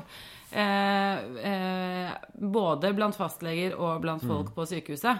I, eh, og det er jo også sånn altså ikke sant, En ting er at du blir frustrert på den enkelte pasienten, men når du jobber på sykehuset, så er det heller ikke veldig enkelt å få inn en, en rusavhengig pasient som kanskje har, det så, har så mange utfordringer i livet at de lager ganske mye bråk på avdelingen, og dermed også forstyrrer andre pasienter. Det er, det er veldig det er, Dette er ikke lett. Men eh, jeg tenker at det er mulig å gjøre en mye bedre innsats enn vi gjør i dag. Og Legeforeningen har jo akkurat gått sammen om en uttalelse hvor de eh, Altså fagrådet, faglandsrådet, gikk i høst ut med en erklæring om at de mener at vi må styrke eh, det somatiske helse helsetilbudet til denne gruppen. De får altfor dårlig somatisk helsehjelp. Vi har liksom Ja, og det er, og, og det er jo vårt, vår jobb og vårt ideal å, å strekke seg etter. Og Men det er en utfordring. det Men, er det, er dritvanskelig. men noe av det som gjør at vi sliter, er at vi ikke kan nok. Ja. Så Det er derfor jeg mener ta og rådfør dere med noen som eh, Ikke sant, Det var det eh, Andreas Pali, Mm. en fantastisk kronikk hvor han anklager norsk helsevesen for å ha dårlige holdninger. Han sitter som fastlege. Han er en kjempeinteressert fastlege, jobber eh, mye med ruspasienter. Og opplever Har en pasient som har slutta på heroin og gjerne vil innlegges, for det er så abstinent ikke sant, og sliter skikkelig men er ikke fra Oslo-området. eh, Og ringer og ringer og ringer og ringer og blir sendt rundt i en evig sånn rundas. Og der er hans konklusjon at dette er noe som som, eh, altså, dette er Manglende holdninger er det viktigste problemet, men det skyldes også manglende kunnskap. Og det, sånn er det jo med dårlige holdninger ofte, at de skyldes manglende kunnskap. Man må bare ja, prøve å erverve seg bedre, mer kunnskap. Ja, og jeg tror det er det som du sier, og når man skjønner Sånn som eh, da jeg satt med hun pasienten og var jævlig sur, så sa du nå i stad at tenk, hun har sikkert gjeld, og hun har sikkert eh, en sånn en bolig hvor hun må fikse ting og Eller ikke bolig i det hele tatt, ikke sant? Ikke sant? Så det er jo Jeg, eh, jeg fikk jo Altså, det er fort gjort å glemme det, da. Når, fordi opplevelsen som lege, når man står der, og en pasient som du har prøvd alt du kan å hjelpe, bare stikker det er jo, Man føler seg jo litt sånn sveket, og føler seg lurt, og, og, og da er det fort gjort å si sånn Ja, men da kan du ha det så godt. Men husk det at det er liksom Ja. Det gikk bra, da. Fikk, eh, Så de, bra. Ja, ja, fikk se de sårene en senere gang. Da var de helt eh, Tenk at du løp etter. Jeg syns det var utrolig fint, Herman. Ja, men det er litt digg. på Skadelegevakta er veldig sånn der cramped, lite lokale hvor det er dritmye støy, og man sitter Man står eh, i sånn eh, ekstremt bråkete lite kontor hvor det er eh, 13 leger på 11 på, datamaskiner, og man har sånn albue til albue, så det var egentlig veldig digg. Få litt frisk luft og, og få, en, eh, få en tur oppover. Få beveget seg litt. Det er tips til alle som jobber på i, i, eh, på skadelegevakta eller andre sånne eh, Altså det der, hvor viktig det er å få beveget seg litt i løpet av arbeidsdagen, det er eh, Det er alfa og omega for meg. Jeg på legevakta hadde jeg sånn rutine at eh, to dager om dagen så gikk jeg opp den trappa øverst og så ned igjen. Tok to minutter eller noe, men det gjorde underverker for min eh, liksom livsglede. Ja, det tror jeg på. Du, Får jeg lov til å si en ting til før vi forlater dette rustemaet? Ja. Eh, hvis vi skal nå snakke om rus til medisinstudenter, så kan vi jo ikke unngå å si litt grann om den såkalte opioidepidemien i USA. Ja. Fordi for første gang så er det sånn at forventet levealder for amerikanere går ned. For første gang på over 100 år. Det er helt utrolig. Og så har man funnet ut, han som vant Nobelprisen i økonomi for noen år siden, fant ut at dette eh, stort sett Man trodde først at det var afroamerikanere som eh, gjorde noe med den statistikken, men så de er jo ikke mange nok til å liksom gjøre noe. Så dette er eh, lavere middelklasse, hvite amerikanere. Og det skyldes overdoser av opiater. Og så begynte man å skjønne hva er dette egentlig? Og så ser man at forskrivningen av eh, sterke smertestillende har skutt i været etter 90-tallet. Og hva skjedde på 90-tallet? Jo, da kom det nye syntetiske opioider med langtidsvirkende effekt, som ble markedsført som mindre avhengighetsdannende enn andre opiater. Der ser du, ikke sant? Du husker det jeg sa om heroin? Det er liksom historien som gjentar seg. Blir, og det blir skrevet ut altså amerikanske leger Og det kommer samtidig som man begynner å definere kronisk smerte som et liksom undererkjent medisinsk problem. Mm.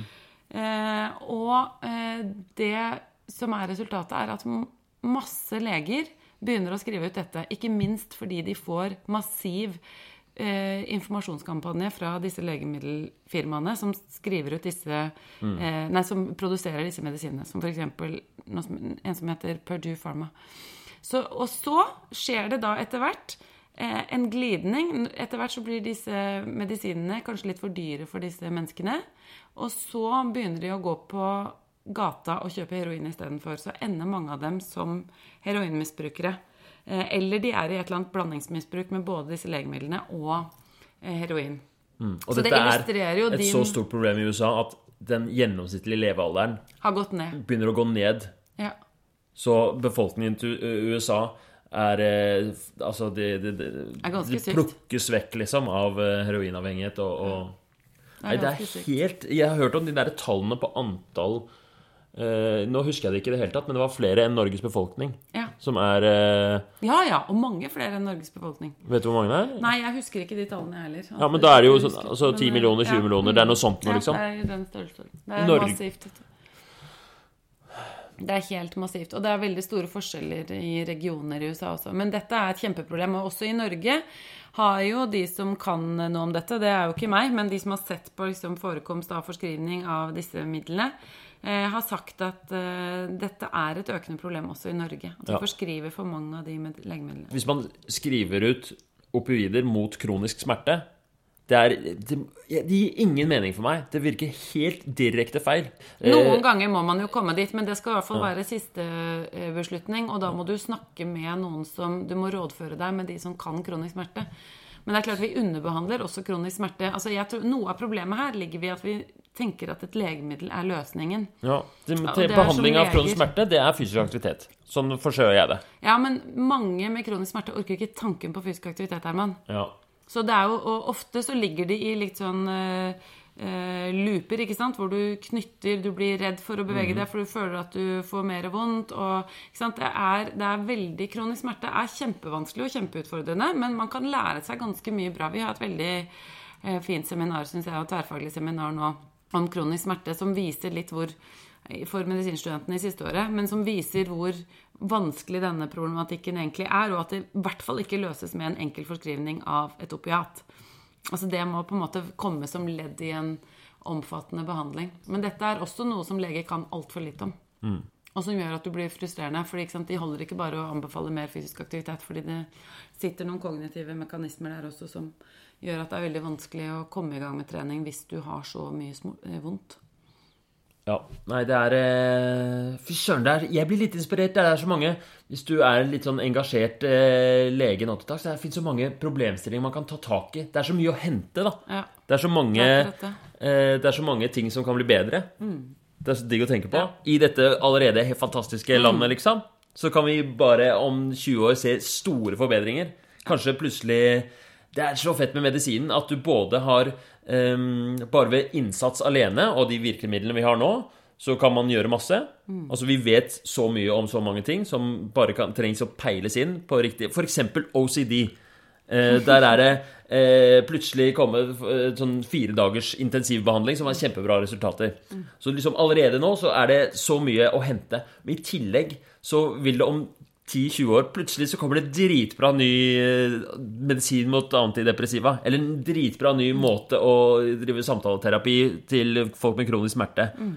Eller um, Jeg syns det er så fett. Ja, det er utrolig fett. Men samtidig sant, det er jo den optimismen der også som har skapt noen av de der store tragediene vi snakka om i sted. Ja, ja, ikke begynne å lobotomere. Eh, ikke bare, ja. ja. Ok, ok, ok.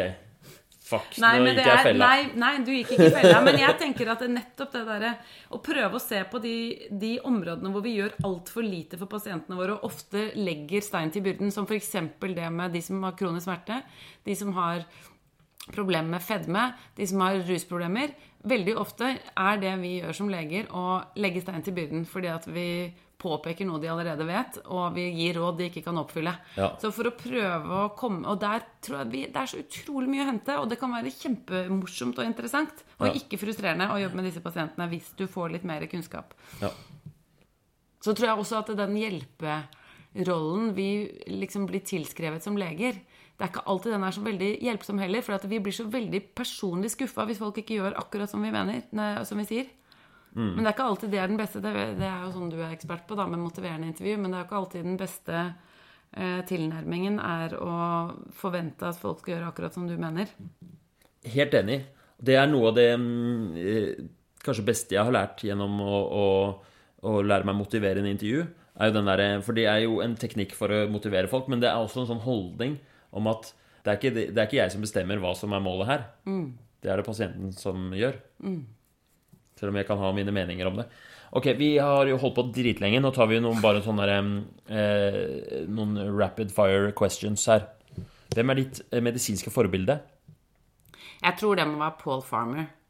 Det er han som Altså, han vokste opp i en campingvogn eh, i Florida. Eh, og så begynte han på medisinstudiet. Fikk, han hadde ikke noe penger, så han fikk eh, plass på Harvard. Eh, og mens han var student, medisinstudent, så starta han en organisasjon som het Partners in Health. Som han bygget opp sakte på Haiti først. Og som gikk på blant annet ikke sant, For da var den dominerende forestillingen da var at eh, Nei, vi kan ikke gi eh, eh, eh, medisiner eh, Altså sånne dyre medisiner til fattige pasienter, for de greier ikke å ta dem. Altså Litt sånn som vi holder på med ruspasienter nå. Nei, de kommer ikke til å greie å møte opp og sånn. De får ikke til. Og så var, eh, var Farmers argument at ja, men det er jo ikke fordi de ikke kan klokka. Det var vel ofte et argument. De kan ikke klokka, så de greier ikke å møte opp. Det er ikke fordi de ikke kan klokka, eller fordi de ikke forstår at de må ta medisinene, at disse folka ikke tar medisiner. Det er fordi livet deres er så slitsomt at de faktisk ikke har mulighet til å prioritere det. De, til, de greier ikke å komme seg på apoteket, de har ikke penger til å betale for den medisinen. Altså, masse ting. Så da starta, så det var del av den organisasjonen, at de skulle eh, eh, assistere pasientene der hvor de var, gi dem medisiner, sørge for at liksom, dette kom At de også fikk litt mat, som gjorde at de hadde energi og overskudd til å fullføre behandlingen. Sånne type ting. Og den Partners in Health det er nå en kjempesvær organisasjon, eh, verdensdekkende organisasjon, som gjør utrolig mye fine ting for folk. Det tror jeg Av liksom legeforbildet så tror jeg det må være han. Paul han er Farmer. Ja, han er antropolog og lege og jobber på Harvard-universitetet. Og leder av denne organisasjonen Partners in Health. Eh, og har, var bl.a. hovedpersonen i en Han er skikkelig kjendis i USA, da, så har laget en film om han som heter 'Bending the Ark', som dere egentlig burde se. Alle sammen. Og så Ja, det er en biografi om han som heter eh, Hva heter han da? Eh, 'Mountains'? Ja, Jeg husker ikke noe hva den heter. men ja, og så er jo Per Fugli også et forbilde for meg fordi han skriver, skrev så Altså fordi han var modig, fordi han han, måte, han oppga jo en internasjonal forskerkarriere, eller hadde ikke lyst, prioriterte på en måte å jobbe med folk her. Dro rundt, holdt taler, skrev kronikker, ble en liksom offentlig intellektuell i Norge. Jeg syns det er skikkelig eh, imponerende. Og også en annen måte å være lege på, da ved å være talerør for de som ikke nødvendigvis alltid greide å snakke selv. Så kult. Det ble var ikke så kort, da. Nei, det ble ikke Du ville ville ha korte svar, du nå. Jeg ville ha korte svar, men jeg, jeg fikk, eh, det var et veldig fint svar. Takk. Og så har, har du noe til slutt Har du noen spennende pasienthistorier som du vil dele? Som har um, påvirket deg eller betydd noe for deg, eller du har lært noe av? Noen sånne fiktive pasienthistorier. Jeg tror jeg må ta noe som jeg opplevde veldig tidlig i karrieren min. Eh, da jeg var eh, ja, en av de første årene jeg var i allmennpraksis og fikk en eh, mann eh, som eh, det viste hadde kreft. Og jeg fikk eh, Jeg var veldig fersk, men hadde ingen veiledning der jeg var. Det var bitte lite sted jeg var. Og denne mannen hadde altså fått tilbakefall etter to år med kreft. Hadde små barn og bestemte seg for å ville dø hjemme. Eh, og det var en tid Dette var på begynnelsen av 2000-tallet, og det var en tid hvor det ikke var så vanlig å dø hjemme. Så, men vi fikk hjemmesykepleien med på det. Og jeg skjønte liksom at Og det var to timer til nærmeste sykehus. Og jeg skjønte at eh, hvis dette skulle gå bra, så måtte jeg være tilgjengelig. Men det kunne jeg jo. Jeg hadde ikke små barn og tenkte at det var greit. Eh, og så, den prosessen vi startet da, hjemmesykepleien og jeg sammen, rundt han og barna og familien og kona, Eh, det, er, det, tror jeg er det mest lærerike jeg har opplevd. Ikke bare, og det liksom på det personlige planet. Så, men dette blir også et veldig langt svar. Jo, fortell, fortell. Hæ? Okay. Fordi på det personlige planet så var det jo utrolig vanskelig, fordi jeg ante ikke hvordan jeg skulle altså For det første var det masse faglig her ikke sant? i forhold til smertestillende, antibiotika Hva var det vi skulle behandle, hva var det vi ikke skulle behandle? For denne mannen hadde fått en terminaldiagnose, så han, eh, legen hadde sagt at det ikke var noe mer å gjøre. Eh, men jeg var jo kjempeusikker. Eh, og så Og det personlige lå i dels det å skjønne hvor befriende det er å ringe og spørre om hjelp, selv om jeg følte meg som en dust.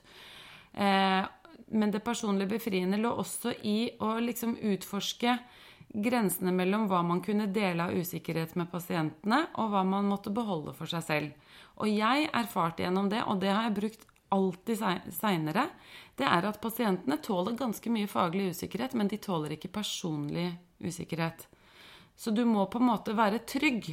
Du må si vet du hva, 'Dette må jeg sjekke opp. Dette vet jeg ikke, men jeg må sjekke det opp. Men jeg skal finne det ut for oss.' Eller, og du må si 'Dette skal vi få til. Dette får vi til sammen'.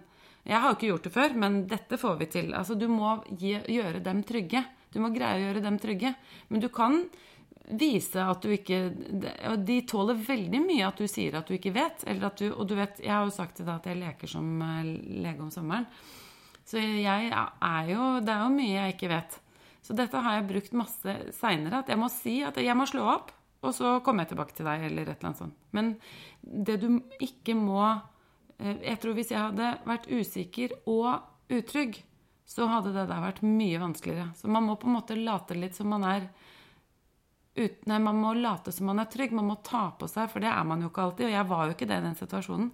Men jeg skjønte at jeg måtte forkle meg med trygghet, men at jeg kunne være åpen om usikkerhet. Faglig usikkerhet. Skjønte du forskjellen? Ja, så vidt at, at hvis du forkler, forkler, deg Men hvordan gjør man det, liksom? Sånn, eh, har, har, du noen eksempler på ting du sa, eller ting du gjorde for å få, få til den der tryggheten? Um jeg, tror, jeg sa liksom dette skal jeg, jeg ta, sa til meg selv veldig mye at dette skal jeg få til. Og så sa jeg det til dem. Dette mm. går bra. Dette mm. får vi til. Vi skal, nå, skal, nå, må du si hva som er viktig for deg, mm. og så får vi til det. Og så må jeg sjekke det og det og det og det, men dette får vi til. Mm. Så ikke bli liksom i tvil om, om din rolle. Mm. Hvis du Hvis jeg Eh, det handler om tonefall. At du ikke sier 'Å, ja, nei, jeg vet det. Det kan jo hende dette går, da.' Eller 'Kanskje vi skal vi gjøre det sånn?' Eller Ikke sant? Skjønner du? Det signaliserer utrygghet. Mm. Um, så, men å si liksom at dette, dette, får vi til, dette skal gå bra um, Rett opp ryggen. Jeg, jeg er med deg på dette. Mm. Uh, dette er vanskelig, men vi får det til sammen. På en måte ta plass der? Ja. Mm. Og vise varme. Men samtidig vise sårbarhet. Jeg, jeg, greier, altså jeg satt jo og gråt sammen med dem også. Og så skjønte jeg jo jeg, hadde, jeg skjønte på en måte ikke heller Det andre jeg skjønte der, som har vært viktig personlig, er å skjønne hvor stor forskjell du faktisk kan utgjøre som lege. Altså hvor viktig jeg ble i den familien, og egentlig det litt sånn utvidede nettverket, eh, skjønte jeg ikke egentlig helt før begravelsen. Når jeg var der mm. i begravelsen. Eh, men, og det tok ikke så veldig mye tid. Jeg var der kanskje bare én gang om kvelden, men de hadde telefonnummeret mitt og visste at de kunne ringe. Men jeg var jo ganske mye på sykebesøk på, i løpet av dagen. Mm. Den andre tingen som var kjempelærerik for meg, eller tredje, da, for det er dette med utrygghet, og så er det dette med å kunne spørre om råd og jobbe tverrfaglig. Men den tredje tingen, det skjønte jeg fikk jeg inn med teskje, fordi det var eh, en gang midt i denne det, Denne perioden tok kanskje fire måneder en gang midt i denne perioden så hadde jeg Første som sto på timelista, var en av venninnene hans Nei, vennene hans. Nei, venninne. Det var en, ja, en venninne som satt og hylgråt fordi eh, hun ikke visste hva hun skulle si til han. For hun syntes dette var så fælt, og ikke, visste ikke hva hun skulle si. Og så gikk det et par timer, og så fikk jeg jaggu meg en kompis, eller var det en kompis av en venn til, hans nærmeste venn, som satt der og var liksom helt ute av seg. Han gråt ikke da, for han tror jeg aldri gråt i livet, men han bare ante ikke hva han skulle gjøre. Eh, og hadde egentlig endt med å trekke seg helt. Og syntes dette var skikkelig vanskelig. Og tror jeg var Ja. Og så For det var en ganske ung mann som var, hadde fått den denne, grøften. Ja. Han hadde små barn. Han hadde barn på okay, ekstremt tragisk. eh, Ekstremt tragisk, ja. Ja, ja. Nei, han var, eh, han var i 30-åra, denne mannen. Med små barn. Eh, ressurssterk mann. Og så fikk jeg han på kontoret. Fordi, og da var jeg bare jøss, for han hadde bestilt en sånn øyeblikkelig hjelp-time. Og så jeg bare jøss, hva er det nå, liksom? For da hadde han jo Han var jo sjuk, men var i en ganske fin fase. Han hadde kommet på kontor. Nei, da hadde han så lyst til å snakke med meg, for han følte nå var han liksom så utrolig deppa. Og så spurte jeg hva det var. Nei. Han var egentlig nå var han mest deppa for alle de vennene som han skjønte nå liksom bare ikke stilte opp. ja, Og det var sånn for meg Altså, det der å se det, den kombinasjonen der Fordi alle disse, disse vennene her følte jo liksom at de ikke ville bry, og at eh, eh, at han sikkert hadde nok med seg selv nå, og kona, da. Og liksom at det var Og han kom sikkert til å ta kontakt hvis eh, ting var vanskelig, og Men hvordan skulle de liksom Så de holdt seg, vennene holdt seg litt unna, Ja. og, det, for de syntes det var en veldig vanskelig situasjon, Ja. og det ble han lei seg av. Turte ikke å ringe og og jeg, da, da tenkte jeg at dette er jo en sånn veldig er ikke det, Hvis du tror på evolusjon, er ikke det en veldig rar instinktreaksjon vi har i oss? At vi alltid tenker 'Å, det er noen andre som er nærmere', eller mm. 'Det er sikkert noen Nå syns de sikkert det er slitsomt at jeg ringer'. Sånn, hvis, det har du, sikkert, du har kanskje opplevd det. Hvis du har noen eh, venner som sliter fælt, hvor du ikke Ja. er den opplagt nærmeste, så tenker man liksom at 'Å, nei, men det er, jeg skal ikke bry nå', eller sånn. Det er veldig rar instinktreaksjon. instinktreaksjon. For jeg, vi mennesker er jo flokkdyr, så vi ønsker jo egentlig at folk skal ta kontakt.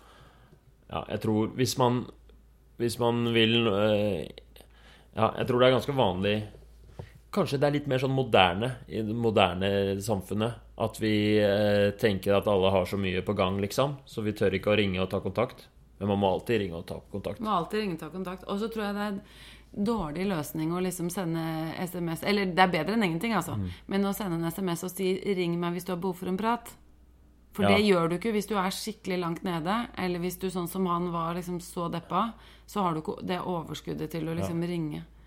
Så jeg tenker med folk Hvis du kommer bak et brød, eller inviter på et eller annet, eller bare stikk innom på et besøk Ja. Ja, dette handlet jo ikke om legeting, det her, men Jo, jo, jo. Jeg kjente meg igjen også i den der rollen man har som Fordi det er helt unikt som lege eh, å, å, å få ta en del i den Det er ikke bare at du får ta del i den når en person dør, og den der siste delen av livet, men det er også du spiller en veldig viktig rolle akkurat med den der eh, tryggheten. Og den eh, er ikke så lett å forberede seg på i løpet av medisinstudiet. Jeg var på et sykehjem og jobbet uh, med sånn midlertidig lisens rett før jeg var ferdig. Og da var det en, uh, en uh, ny fiktiv pasient som da En, en gammel dame som eh, Som eh, hadde eh, demens og skulle Og var helt i sine siste dager. Alle var enige om at hun dør i løpet av de neste par dagene. Og hun hadde en ektemann. De hadde ikke barn. Og han, så snakka jeg en del med han ektemannen, da. eh, som hadde kommet på besøk til kona si, som var helt dement, husket ingenting og hadde ikke språk eller noe sånt noe. Og han kom hver dag og var med henne. Så spurte jeg litt om han, hvordan det gikk med han, om han hadde noen venner eller noe sånt noe. Han hadde ingen venner. Nei, gud, tenk på det. Eneste hans, eneste hans kontakt var sin kone, som var dement. Han gjorde ingenting annet. Og var selvfølgelig eh, veldig lei seg. Og han var jo også sånn Ja, men kan dere ikke gjøre noe? Kan dere ikke gi noe antibiotika? Og da måtte jeg være denne personen som måtte være sånn på at Dette er eh, vi har, Det er ikke noe behandling som hjelper nå. Så nå, nå er det Nå er det ikke noe mer vi kan gjøre. Så nå, det, jeg kan ikke si noe om hvor lang tid det tar, men det kan hende at det er de siste dagene nå. Og det synes han var helt eh, Eller det tok han veldig ålreit imot. Det var ikke noe sånn motstand mot det, men han spurte jo først eh, han, elsket jo kona si, liksom. Så han ville jo alt for å hjelpe henne. Og hun fikk da sånn um, behandling på slutten av livet, som vil si at man gjør alt man kan for at hun ikke har noen smerter eller noen plager. Og, og så var jeg litt Jeg var jo eh, Så akkurat som når du fortalte det, jeg var jo veldig usikker på alt det faglige. Jeg hadde en onkel som var sykehjemslege, som jeg ringte og spurte og fikk hjelp og sånt nå. Og hun som jeg var vikar for, eh, fikk jeg jo veiledning fra. Så, og det var veldig flinke sykepleiere og sånt. Så det var Men uh, og, og, og, det var, jeg syns det var veldig skummelt å snakke med han. da For tenk hvis jeg gjør noe feil, eller tenk hvis jeg ikke gjør den jobben ordentlig. Mm. Men, um, men jeg endte med Og det, jeg hadde snakka en halvtime eller noe sånt den uh, fredag kveld, eller fredag ettermiddag. Og så um, ga jeg han uh, telefonnummeret. Og så ringte han en eller annen gang i løpet av helgen, og for da hadde hun dødd, da. Og så snakka vi på telefonen en halvtime òg. Og det var eh, eh, Nei, det var bare en sånn sterk opplevelse, da.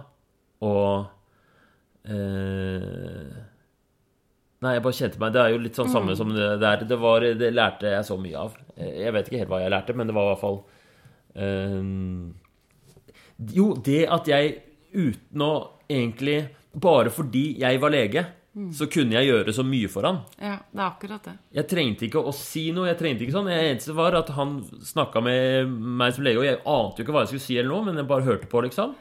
Og så han fortalte litt sånn Ja, nå var hun død, og det gikk sånn og sånn. Og så spurte han også på et tidspunkt der og Fordi det var jo ikke noe mer han kunne gjort. Og så sa han nei, alt, vi gjorde alt vi kunne, liksom. Mm. Og hun fikk god behandling. Ja, det var så, så hva, da fratar du han for skyld, ikke sant? For ja. det, ellers så ville han Det er noe av det mm. også vi kan gjøre som leger. Mm. At vi, når vi roer og har tatt den avgjørelsen, så sier vi at det ikke, var ikke da noe mer du kunne gjort. Mm. Heller. Mm. Ja. Så, ja. Nei, jeg, jeg, tror også det der med at vi vi, eh, vi, kan gjøre en så stor forskjell hvis vi vil. Og det trenger ikke å kreve mer jobb heller. Det handler om å anerkjenne de viktige situasjonene i folks liv som vi står og spiller avgjørende, eller kan spille avgjørende roller i forhold til. da. Eh, det, og det er jo en gave med det å være lege, tenker jeg. At man kan stå der i, sant, i alt fra graviditet og svangerskap og fødsel til død. Det er, det er jo de store, viktige tidspunktene i folks liv. Mm. Og det er jo en skikkelig stor og fin gave, og den tilliten folk gir oss med det, Eh, synes, ja, det syns jeg er en annen stor ting, når de lukker døra etter seg. Og liksom, da er alt åpent. altså Bare det at den taushetsplikten gjør at vi da kan få alt, det er mm. også en sånn eh, tillit som vi ikke må eh, skysle, skyf, skyfle bort mm. i Ja. Men for, og jeg opplever jo også ikke sant, Vi har undervisning for medisinstudenter om um, in, in, det som heter individuell plan hvor vi bruker ruspasienter og så har vi inn folk fra Oslo kommune og eh, spesialisthelsetjenesten i rusbehandling og sånn. Eh, men det jeg opplever veldig ofte da, er at de som spiller fastlege, da spiller studentene fastlege i et slags sånn rollespill. Og de studentene som spiller fastlege, de foreslår på en måte aldri egne opplegg. De er veldig flinke til å eh, foreslå at man skal henvise til rusbehandling, eller at man skal henvise til økonomisk rådgivning, eller noe sånt. Men men det er veldig sjelden at de tilbyr at, kan, at, de, kan, at de pasientene kan komme til samtale hos dem. Mm. Og det tror jeg er fordi at de tenker at ja, men jeg vet ikke nok om rusbehandling, og det må man gjøre i spesialisthelsetjenesten. Og det kan godt hende at behandlingen i den enkelte pasients tilfelle skulle gjøres i spesialisthelsetjenesten, for det var litt for komplisert. Men de glemmer betydningen av seg selv som støttepersoner i sånne overgangsfaser. I altså i, hvor man venter på innleggelse, eller kanskje når du akkurat har kommet ut, eller Det er ikke nødvendigvis sånn at det å være fastlege innebærer at du alltid gir evidensbaserte behandling. Av og til nettopp fordi du er en sånn støtte i folks liv og kjenner dem over tid og har kjent dem fra de var bitte små sånn, så kan du jo nettopp i sånne viktige faser være helt avgjørende ikke sant? for å gi trygghet og, og en slags sammenheng. Mm. Så at ja, det, bare det å være lege, liksom, ja. eh, er Man må ikke glemme det i alle forskjellige behandlingsalternativer og retningslinjer og sånt mm. noe. Men det der å få et kvarter med legen Kjempeviktig. Er um, I hvert fall hvis du er medisinstudent og, og tenker at uh, Ja, men hva skal de snakke med meg for, liksom? Mm. Denne, husk det at uh, det kvarteret med deg er viktig. Ja. ja, så det tror jeg også kanskje er noe av det som kan gi den tryggheten jeg snakka om i sted. da. At hvis du skjønner hvor viktig du er, så blir det også mer, eh, blir det lettere å være trygg. Tenk på det, at du nå kan være viktig. Ja, fordi jeg husker det godt, det den sykehjemspraksisen med den pasienten som døde. at jeg, Hovedtankene mine i de to ukene jeg var der, det var sånn Får jeg dette til? Jeg får ikke dette til. Eh, og liksom Fuck, hva er kolsforverring igjen, liksom? Men, men, eh, men det at selv med følelsen av at jeg ikke kunne en dritt kunne sitte der og bare At det var, hadde betydning at jeg var der, det var, det var en skikkelig god opplevelse å få. Nå har vi snakka i snart to timer. Tusen takk for at du ville være med. Det var kjempefint å snakke med deg, Herman. Tusen takk. Er det noe du eh, er det, Hvis noen har lyst til å stille deg spørsmål eller har noen forespørsler, kan de nå deg på noen måte? De kan sende meg e-post eller ringe meg, eller det eller, Altså, jeg har kontaktdata åpent. Ja, Så da bare søke Anne Kveim Lie, så kommer e-postadressen opp. Tusen takk for at dere hørte på. Det er eh, veldig gøy at, å få tilbakemeldinger og eh, spørsmål, og bare send inn hvis dere har noe dere lurer på. Tusen takk, og ha det bra. Ha det. Takk for nå. Vi er Medisinstudentsnap. Følg oss på Instagram. Der har vi quiz hver dag og mye annen medisinsk moro. Ha det bra!